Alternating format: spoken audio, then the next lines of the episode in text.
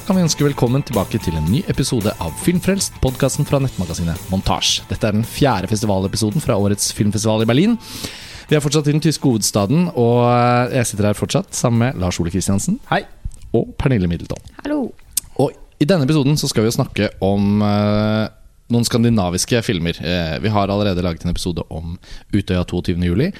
Og i dag skal vi med hovedfokus snakke om en svensk film fra hovedkonkurransen, 'Toppen av ingenting', og en svensk-dansk film som vises i eh, Berlinale Special, som er sånn utenfor konkurranse-gallavisningssideprogram, kan man kalle det.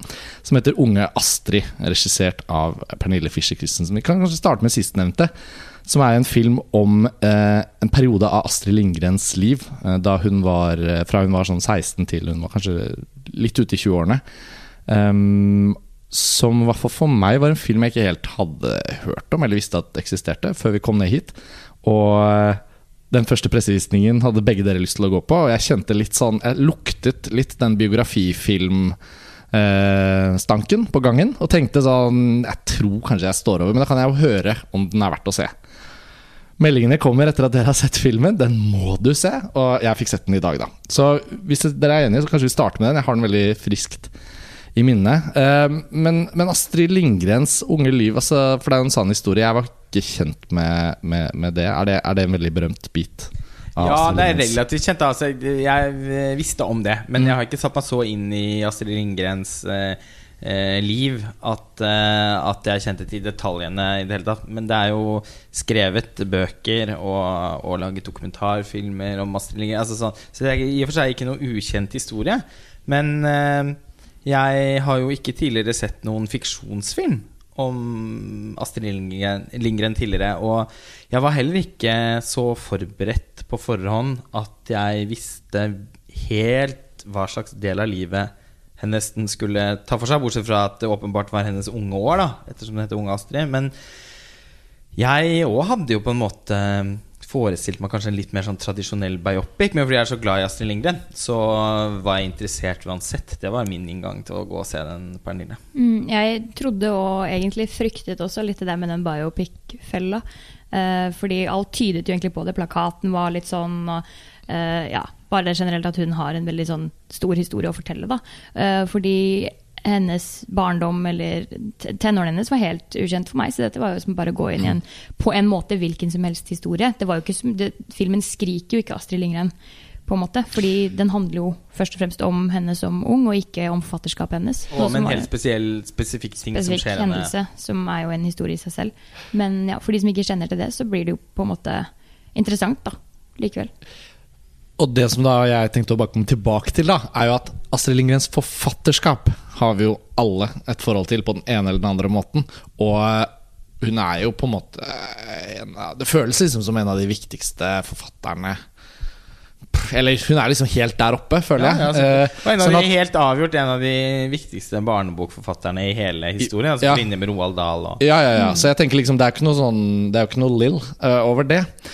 Men jeg var litt sånn på gjerdet, da, for å være ærlig. Og det, det, som er så gøy, er selvfølgelig at filmen Dere meldte det jo med en gang, og så fikk jo jeg opplevd i dag. Filmen er veldig, veldig bra. Ikke minst fordi den er enormt gripende. Og det er klart, jeg føler ikke at det er så mye sånn spoiler-materiale egentlig på den typen film. Men vi kan jo bare si at hvis man ikke har lyst til å vite noe om denne filmen i det hele tatt, så kan man jo slutte å høre på den med en gang. Jeg tenker vi skal snakke om den fortellingen filmen forteller, men det føles ikke som en sånn spoilerfilm. da Så dere får gjøre som dere vil, dere som hører på. Eh, men dette handler jo altså om at Astrid Lindgren, 16 eh, år gammel ca., får jobb som sekretær på lokalavisen. Og redaktøren av lokalavisen er jo faren til en venninne av henne. Og Astrid Lindgren eh, fremstår da i skuespiller Alba Augusts tolkning, som vi også må snakke mer om. Hun er helt fantastisk bra. Hun eh, fremstår som en sånn fantastisk karismatisk og livaktig 16-åring. Så bare, I løpet av bare noen få minutter så følte jeg at jeg kjente henne. Og på en måte sånn er det sånn platonisk forelskelse du kan få i en filmfigur. Hvor du bare liksom får bare lyst til å være i alle scener med henne og følge hennes historie. Men så forelsker hun seg i han redaktøren, han forelsker seg i henne, og de innleder et forhold, og så blir hun gravid. Og så oppstår det jo selvfølgelig komplikasjoner rundt en sånn tenåringsgraviditet på, tidlig på 1920-tallet. Hun kommer fra en religiøs uh, familie. Ja, Særlig og... moren, spilt av Maria Bonnevie. Er jo, faren er ganske mye mer avslappet. da Ja, Men eh, for moren er dette eh, altså helt uhørt. Og hun vil umiddelbart at dette er noe som ikke skal ha funnet sted. Så, og det vet også Astrid. Så eh, idet hun innser hva som har skjedd, så begynner hun umiddelbart liksom å ane konsekvensene av det. Eh, men ingen vil jo heller at eh, Det er heller ingen her som vil at hun skal ta noen abort.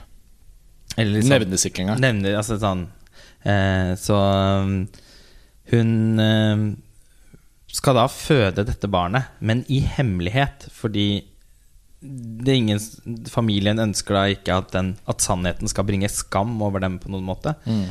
Så hun blir da sendt til Danmark hos eh, en sånn fostermor der, spilt mm. av Trine Dyrholm, som er en helt nydelig rollefigur i filmen. Mm. Eh, som sørger for å pleie henne eh, fram mot Først så blir hun sendt til Stockholm for å studere for å bli sekretær. Mens magen vokser, på en måte. Ja. Og så han Redaktøren er jo forelsket i henne, så de planen er jo nå at de skal bli sammen igjen etterpå. Og det er også liksom fint Det omgår liksom klisjeen. Eh, for han vil skille seg fra kona si, og han vil være sammen med Astrid. Så det er liksom mer sånn at få barnet født og gjemt inntil skilsmissen er en faktum. Og jeg likte at den hadde en sånn troverdig litt sånn derre Å ja, så det er ikke sånn at bare de skal være slemme og alle skal være sånn duste. Det er faktisk sånn at alle prøver å finne en løsning. Inkludert han som er spilt av Henrik Rafaelsen, norsk ja. skuespiller. Som uh, ble veldig forbløffet over hvor god han var i svensk. Ja, han var kjempegod. Han er vel, jeg, jeg, tror ikke jeg har sett han så god. Han er kanskje best på svensk, rett og slett. ja, jeg, jeg, jeg, var veldig imponert over han i Thelma. Men, uh, uh, men ja, helt klart en av de beste rollene jeg har sett, mm. var han. Og ja. Men Det er i hvert fall premisset for plottet. da Jeg vet ikke, trenger, Det kommer jo litt sånn underveis mens vi snakker om filmen. Men ved siden av at dette er Astrid Lindgrens fortelling, som jo er en berømt forfatter, og vi kan lese mye inn i det, så er det også en veldig sterk og gripende historie om en ung tenåringsmor som etter beste evne forsøker å løse den situasjonen, parallelt med at hun blir enormt glad i, og egentlig knyttet til denne babyen, som hun vet at hun må forlate. Og uh, i tillegg til alt dette så er det den rammehistorie Ikke en rammehistorie engang, men en rammescene for hele filmen som det åpner med, hvor eh, Astrid Lindgren på slutten av 80-tallet er gammel og selvfølgelig veldig berømt, og sitter og åpner bursdagsbrev hun har fått tilsendt fra alle mulige barn rundt i Sverige. Og jeg må innrømme at jeg begynte å gråte i den scenen jeg, etter ett minutt av filmen. og det, Jeg vet ikke hva det var, men jeg, jeg, var, jeg ble altså så rørt av denne filmen. Og det startet allerede der. Fordi hun satt der, og så vet man at det er Astrid Lindgren. Og så hadde de barna tegn En av de første konvolutten hun åpner, så er det en barnetegning av, av Pippi som løfter uh, hesten sin. Og, og, så står det sånn forskjellige typer hilsener til uh, Astrid Lindgren. Og så føler man liksom også at så fort et av de brevene da er sånn Broren min blir mobbet, men jeg vet at jeg må være sterk og passe på han fordi du har skrevet Altså sånn, Så kjente jeg det bare. Ja, det løsnet i tårekanalene med en gang. Så så fort vi da var inne i hovedhistorien om den unge Astrid, så satt jeg allerede og tørket noen tårer der. Det, og når det da handler om å skilles fra ditt barn og altså, Nei, altså. Ja. Men dette ble gripende for meg også fordi den er utrolig uh, vellykket uh, laget. Ikke minst pga. skuespillerne. Ja, og det er jo også en veldig tung film. Som du sier, det er jo hele denne historien med at du skal skilles fra barnet ditt. Og mm. hun er jo på en måte hun er et barn selv. Mm. Eh, og tvinges så eh, voldsomt eh, raskt til å liksom bli voksen. Og, og ta ansvar for den ta handlingen. Ansvar, rett og slett. Når hun i tillegg da har så mye motgang rundt seg. Ikke bare er det det at hun er forelsket i en mann som er altfor gammel, og at det ikke på en måte egentlig kan være så offentlig, men så er det det at hun møter motgang i foreldrene sine, som helst, aller helst vil at hun skal eh, bare la barnet bli igjen i Danmark. Eh, så hun må på en måte få flere sånne type konfrontasjoner som er bare helt sånn hårreisende at en 16-åring skal måtte møte. Da. Og da skjønner du på en måte også litt mer av hvorfor hun kanskje skrev så alvorlige historier. og fordi det er noe av det som de barna som skriver i brevene til henne som gammel. At ja, du skriver eh, så tøffe historier om barn som mm. mangler foreldre og har det veldig tøft. Og, ja, men altså, se hvor hun kommer fra, liksom. Mm. Det gir mening. Ja. ja, fordi det er mange av de brevene som trekker fram at hun Eh, Hvordan kan du som er så gammel, skrive så bra om barn? Ja. Å, det er fint. Og, og at uh, de At hun skriver om situasjoner som ser så bekmørke ut, men at hun finner en strime av lys eh, som gir håp til de barna som leser, og som oversetter den konkrete situasjonen til noe mer generelt, som kan ligne deres eget liv. Og hun må jo da Altså, hun, det blir vanskelig for henne på to fronter, fordi det er hennes egen familie, og så er det denne mannen, da, som eh, Som jo er oppriktig forelsket i henne, og som har lyst til å Til å ikke bry seg om eh, de eh, Altså Måten samfunnet vil fordømme denne relasjonen på, er han Han er ikke interessert i å ta hensyn til det. Han risikerer jo faktisk fengsel òg, tror han, da. Ja. For eh, den handlingen i seg selv. Ja. Og han eh, vil, ønsker jo virkelig at Når han sier at han vil at de skal eh, At de skal liksom komme seg gjennom dette her og gifte seg, så mener han det virkelig det. Men i løpet av den prosessen så finner jo også hun ut at han er for gammel. De har ikke nok til felles. Og det er ikke, altså kjærligheten er ikke sterk nok fra hennes side. Det var nok mer en nysgjerrighet og en fascinasjon eh, snarere enn eh, noe som er varig. Så eh, igjen så kommer vi tilbake til dette her med at ofte så blir man mest rørt av de filmene hvor folk er litt sånn gode med hverandre og forsøker å forstå og tilpasse seg og løse vanskelige ting. Og det er så bra med den filmen at det har ikke noe sånn konstruert dramatikk ved seg i det hele tatt. Nyansene i den historien er mer enn sterkt nok. Det er så sant, akkurat det. Og, og det er like engasjerende når det går bra, som når det går dårlig. Og det går veldig opp og ned hele veien. Den har ikke noen sånn dramaturgisk kurve hvor det liksom bare går nedover og så litt opp.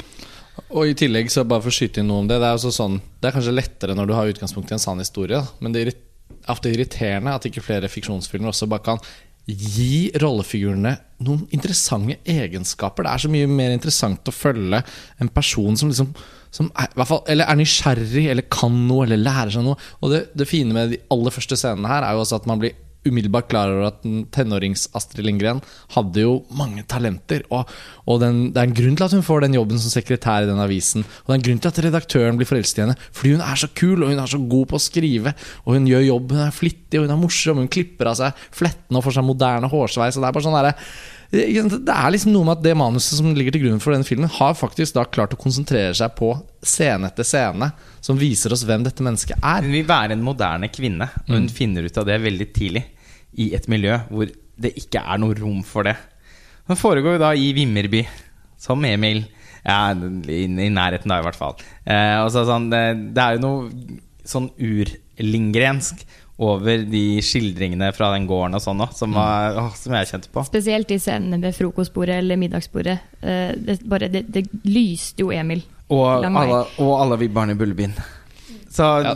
åh, ja, det, det Og det var så subtilt gjort òg, for det var sånn okay, det var veldig søt den scenen ute på potetåkeren, hvor familien er litt sånn tullete og kaster potet til hverandre. Hun henter noe ved ute i snekkerboden. Et Mm. kort øyeblikk, på en måte. Det var, føltes som det var sånn små snitt fra hennes oppvekst Ja. som, som man kan lese inn i det. Ja, det var Og- og aldri det var- noe sånt som ble for mye, eller Nei. som ble Og, og ja. denne fortellingen handler ikke engang om perioden hvor hun faktisk skriver bøker. Nei. Så det var også sånn befriende at det ikke var noe av det.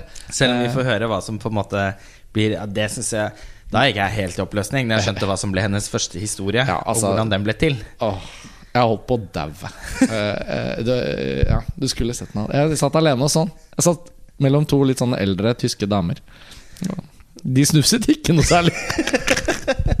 ja, ja. Nei, Nei, det er en veldig gripende scene mot slutten av filmen, når hun Ja. sitter med sønnen sin. Ja. Men selv om man ikke kjenner til henne eller har lest bøkene hennes, så tenker jeg det må jo være umulig å ikke bli rørt av Alba August sin prestasjon. Ja, vi selv, må fordi- snakke litt om henne. Ja, altså bare sånn Nå har vi nevnt at ja, det er en utfordring med at hun er veldig ung og blir gravid, og at uh, hun har et forhold til en eldre mann, men den tredje og kanskje aller, aller største utfordringen er jo den når hun skal gjenforenes med barnet sitt, og så vil han jo ikke anerkjenne henne, for han kjenner henne ikke. Nei, og Og hun har jo bare ventet og ventet og ventet på han, og alt hun vil, er jo bare å få han tilbake. Og så når hun endelig får litt tid sammen med han, fordi hun må, rett og slett, fordi hun som passer han blir jo syk, så er han sånn Nei, jeg vil ikke må. Han er jo dansk, han forstår henne ikke. Du snakker, du snakker ikke dansk. Altså, jeg forstår ikke hva du sier.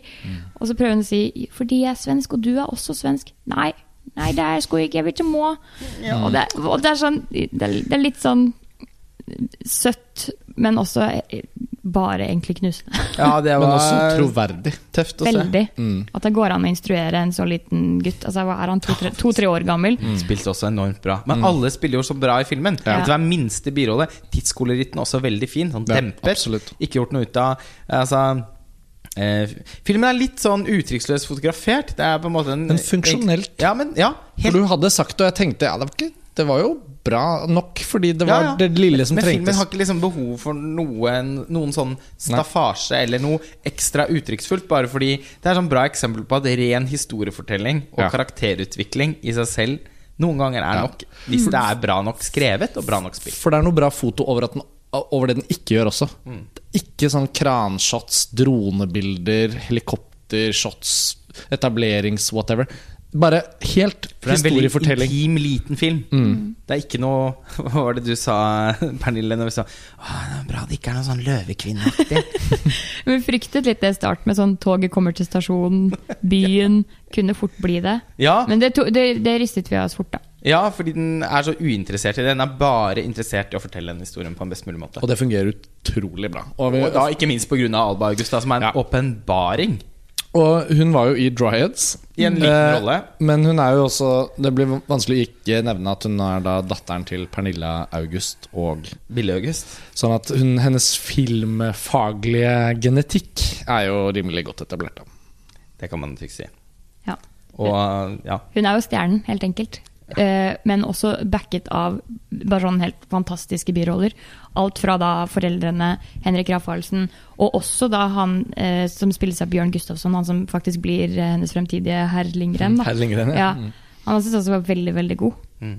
Ja, men det var eh, Det er helt sånn Vi er jo egentlig bare Kjedelige, kjedelig, av- enig. Av, av, av ros Ja. eh, til den filmen. Så Jeg tenker dette er sånn film som burde bli sett av 300 000 på kino, egentlig. ja, Fordi- også i Norge. ja, ja, men jeg sitter her og tenker sånn Denne er for absolutt alle, og den er gripende på en Mm. Alle autentisk måte. Det er ingen som ikke har det. Og så er det en universelt det, sånn, sånn, det hun går igjennom i denne fortellingen fra Astrid Lindgrens liv, er liksom for alle. Eh, og den er egentlig også en veldig heldig på en måte da en historie om kvinner. En kvinne, men også moren, og også den fostermoren. Og den er jo regissert av Pernille Fischer Christensen. Den har en sånn herlig, eh, elegant femininitet over seg, som jeg syns liksom ikke er påtvunget filmen. Den må ikke forstås sånn. Men når man sitter der og ser den, og særlig på en måte noen av de andre små små scenene hvor hun da flytter inn på sånn studenthjem i Stockholm, går på sekretærskole med andre unge jenter fra Sverige, forhører seg med andre som har hatt barn og fått født i Danmark. Altså sånn, Mellom linjene her så ligger det også en historie om, som du var inne på i stad, Lars veldig treffende. Hun bestemmer seg for at hun vil bli moderne kvinne allerede når hun er 16, liksom. Og, og det er faktisk en film om det. eh, uavhengig om det er Astrid Lindgren eller ikke. Og det er sånne ting som gjør at filmen virkelig kan anbefales, bortenfor bare å være uh, interessant fordi det var hennes historie. Og nå over til noe helt annet. Ja, fordi eh, vi skal jo snakke om Skal være, vi skal fortsatt oppholde oss i Sverige. Ja, eh, vi, vi nevnte det jo bare et superkort i innledningen. 'Toppen av ingenting' er tittelen på denne filmen. Den er regissert av Mons Monsson og Aksel Petersen. Og jeg husker da eh, konkurranseprogrammet til Berlinane ble sluppet for en måned tid siden. Og så ja, en svensk film i hovedkonkurransen. Og det var vel, jeg tror det var en av dere andre som sa det, er han som har regissert den 'Yarden'. Så tenkte jeg ja, den hørte jeg om, så jeg aldri. Eh, så det er litt sånn et ubeskrevet bladfilm. Ja, jeg har heller ikke sett Jarden, Ikke heller. men jeg har sett eh, Avalon, som han Aksel Petersen. mm, har gjort. Og den eh, likte jeg. Eh, så Og, det, var, altså, og den, det er en film som har noen ting til felles med den her. Altså. Det er ikke helt sånn vanskelig å se at dette er film nummer to. Men det er jo en film eh, med eh, veldig voldsomme virkemidler. Det kunne ikke vært mer annerledes enn Unge Astrid, kan man si. Eh, eh, Det er et eh, veldig visuelt filmunivers som vi trekkes inn i. Men nesten bare bestående av mørke nærbilder. Hud, svette. eh, Rynker. Rygger, rynker. Eh, sånn eh, Ja, sånn, hen, gamle, sånn aldrende hender med, med bisjotterier på. Som klinger- Solbrun.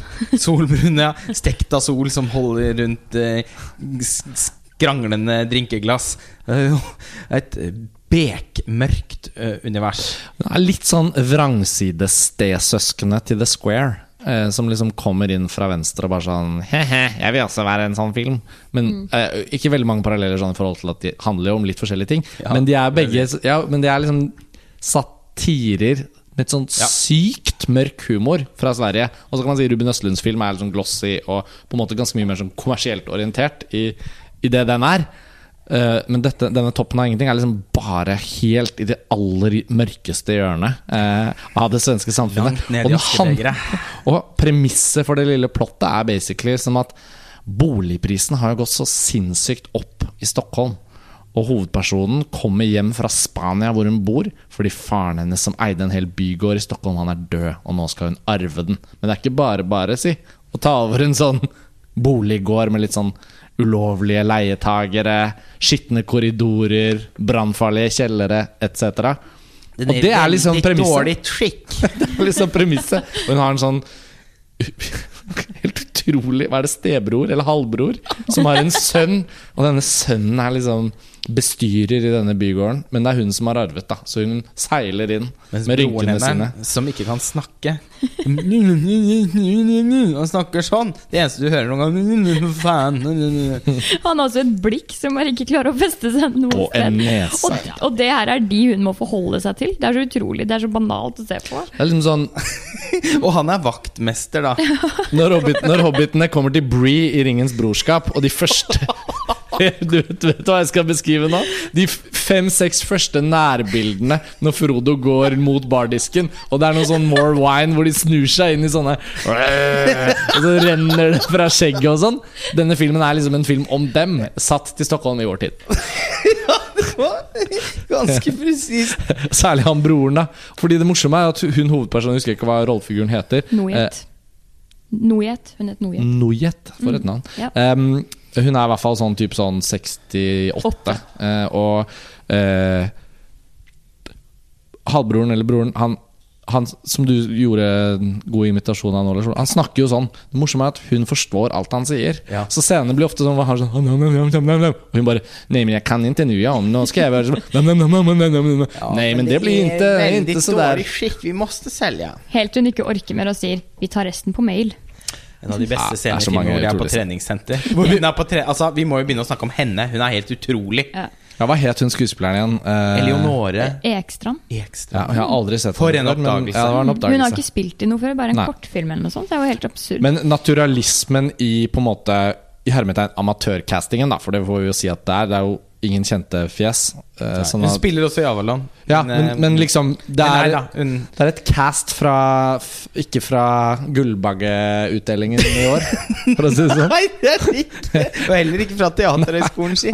Hun er så bra, men hun er jo en sånn Du føler liksom at du får se et menneske i denne filmen som aldri kommer med i filmer. Nei. Du får liksom aldri se det. Det er en utrolig sexscene også, hvor hun forfører en litt sånn yngre investor som kanskje skal være interessert i å kjøpe denne bygården, hvor det er liksom helt grensesprengende og ganske eksplisitt sex med en sånn vill, 60, en 68 år gammel dame. Og det er jo litt flott at da, da fikk man se det. Ja, ja det var Den Men gjorde vi må si litt om den visningen vi var på, da. Fordi her i Berlin så var vi Fordi vi var på pressevisningen. Du kan jo Ja, altså Pernille, vi sitter Ja. på pressevisningen, det var helt fullt.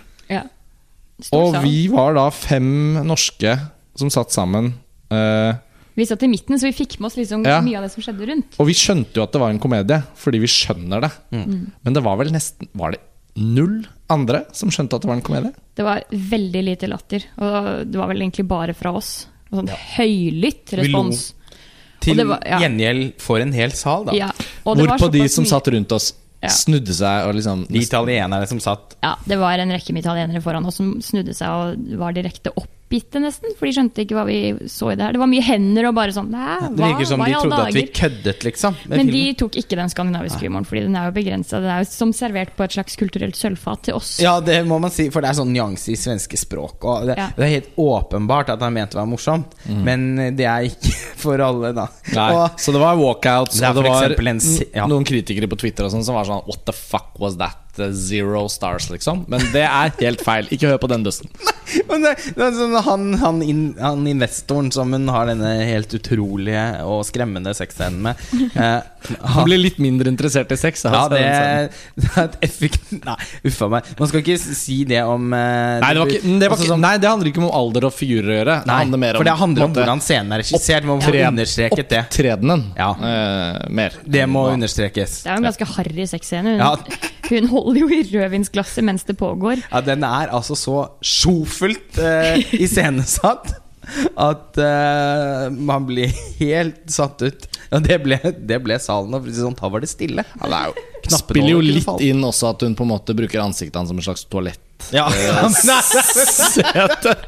Jeg syns liksom det er de tingene Det er de tingene Ja. til. ja, ja, det Eventuelt en våtserviett. Men, men vi Men ler jo, og ingen andre ler, og det var jo noe med det òg, at jeg følte det var en kvalitet ved filmen. Ja, og han, han eh, investoren, altså, men før eh, romantikken blomstrer så, Ja.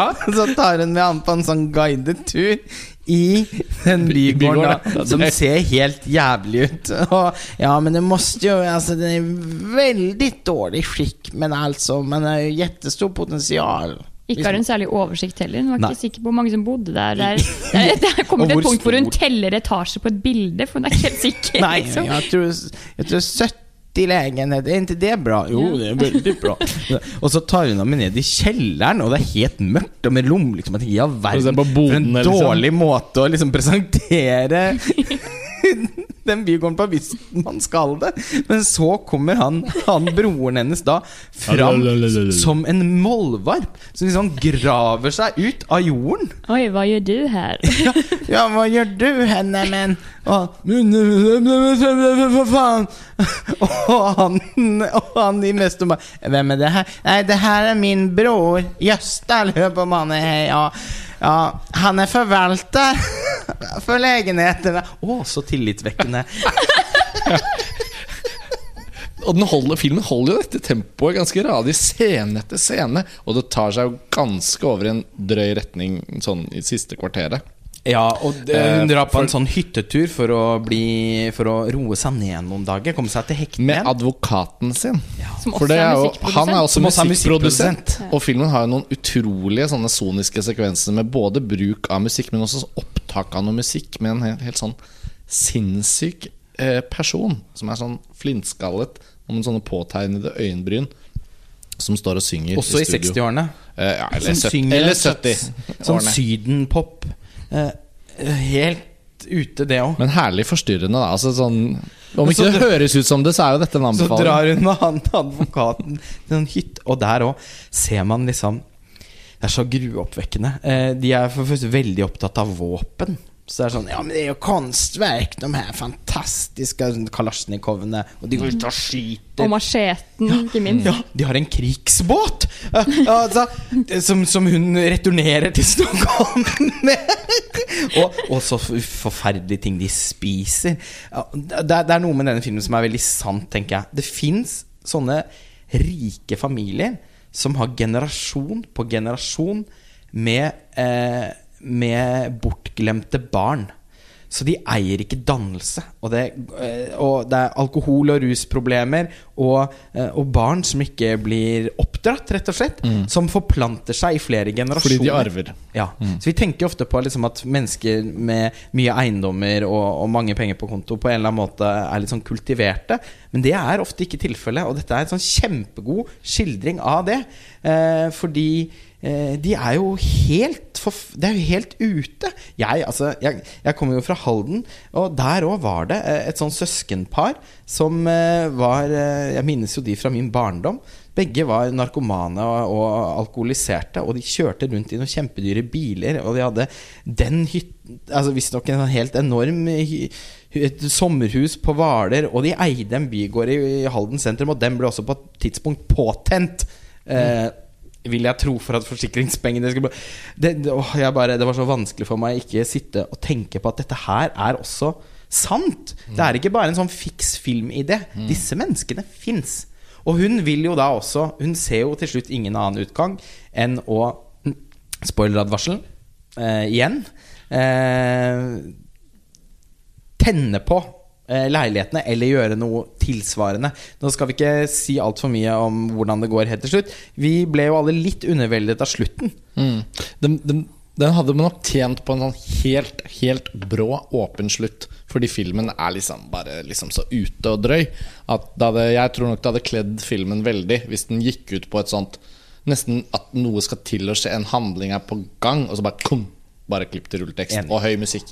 Altså sånn, så den, den, liksom, den, den oppsummerer det kanskje litt for, for mye i sluttideen. Men dette er jo en, en, en deilig på en måte eh, Et deilig eksempel på at det fins noe krutt. For det har ikke vært sånn Vi er vant med at det kommer mer kvantit, altså bra kvalitetsfilm fra Sverige i større kvanta enn det har gjort kanskje de siste årene. Da. Vi har jo fortsatt liksom The Square og, det, og gjenforeningen til Anna Odell, og det har vært mye bra. Så det er jo ikke sånn at Jeg mener ikke at alt står dårlig til i Sverige, men man merker liksom at det liksom har kommet litt færre.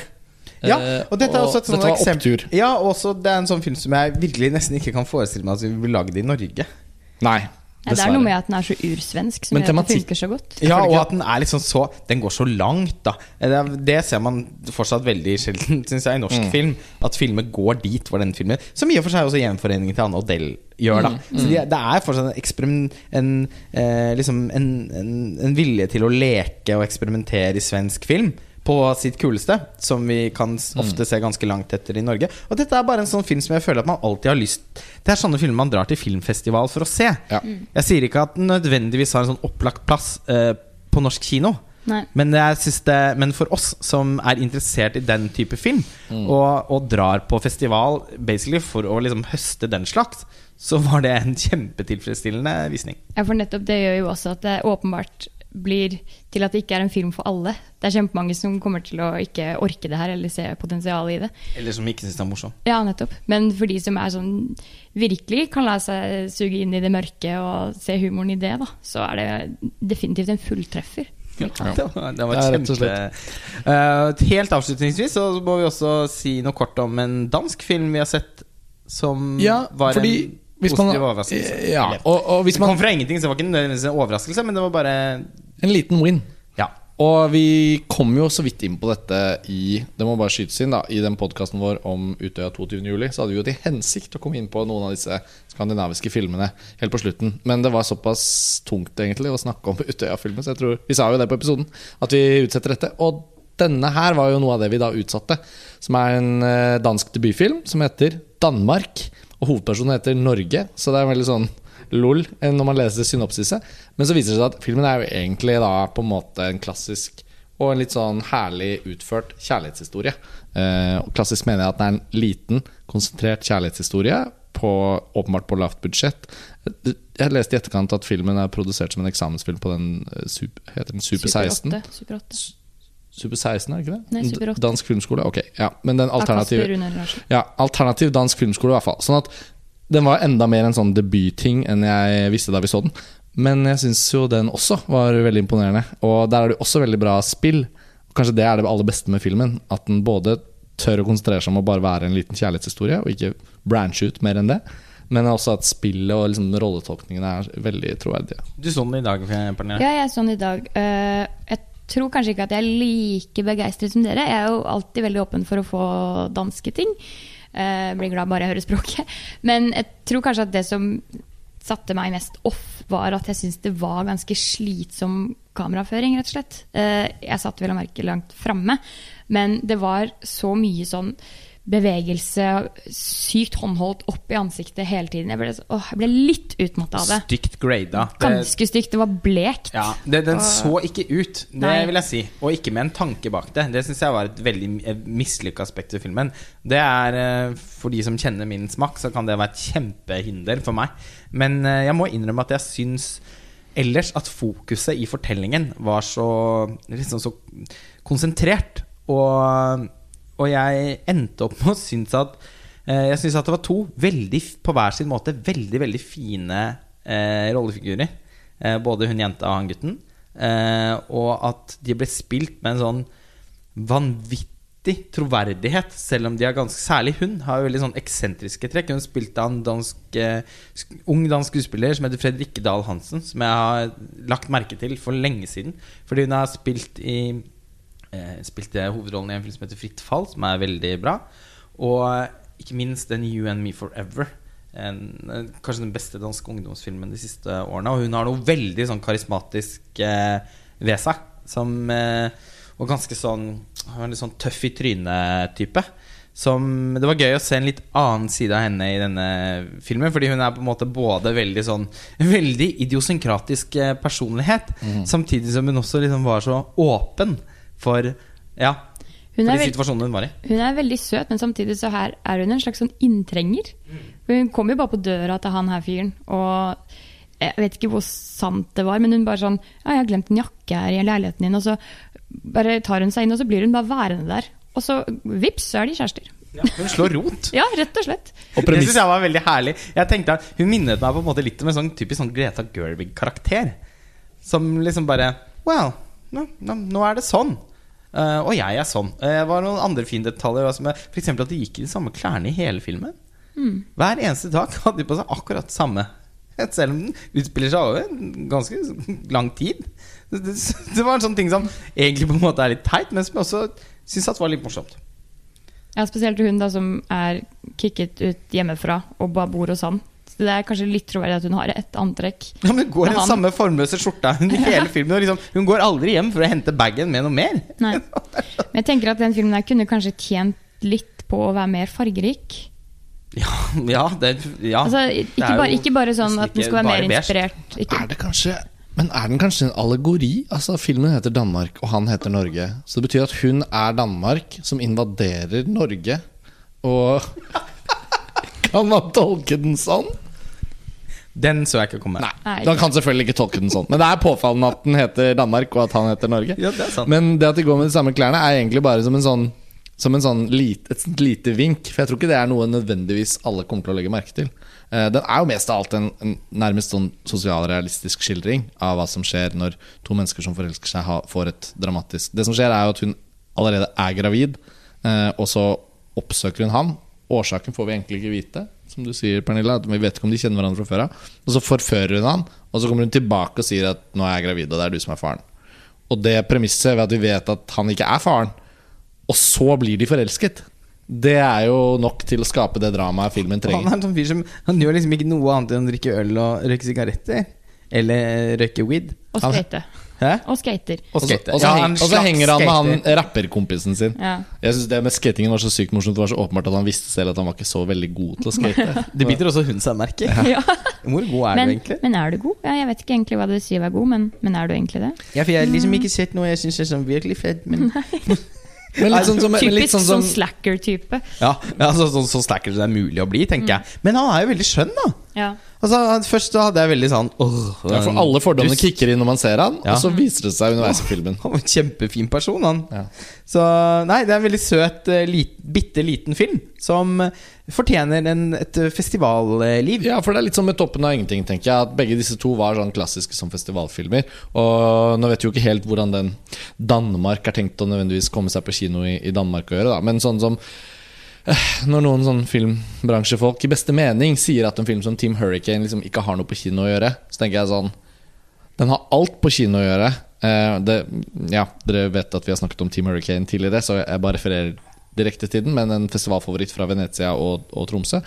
Men en film som Danmark, da som er sånn lite drama, den har på en måte liksom ikke så mye på kino å gjøre. Men den kan være en sånn fin, fin film, fin streamingfilm eller hva som helst. Og jeg syns det er så hårreisende når det faller seg så lett å kalle visse typer festivalfilm for en type film som ikke har noe på kino å gjøre. Når det ofte er motsatt. At kanskje ikke er det et stort publikum for denne filmen, men den har alt på kino å gjøre. Sånn F.eks. en Unsane til Soderberg. Da.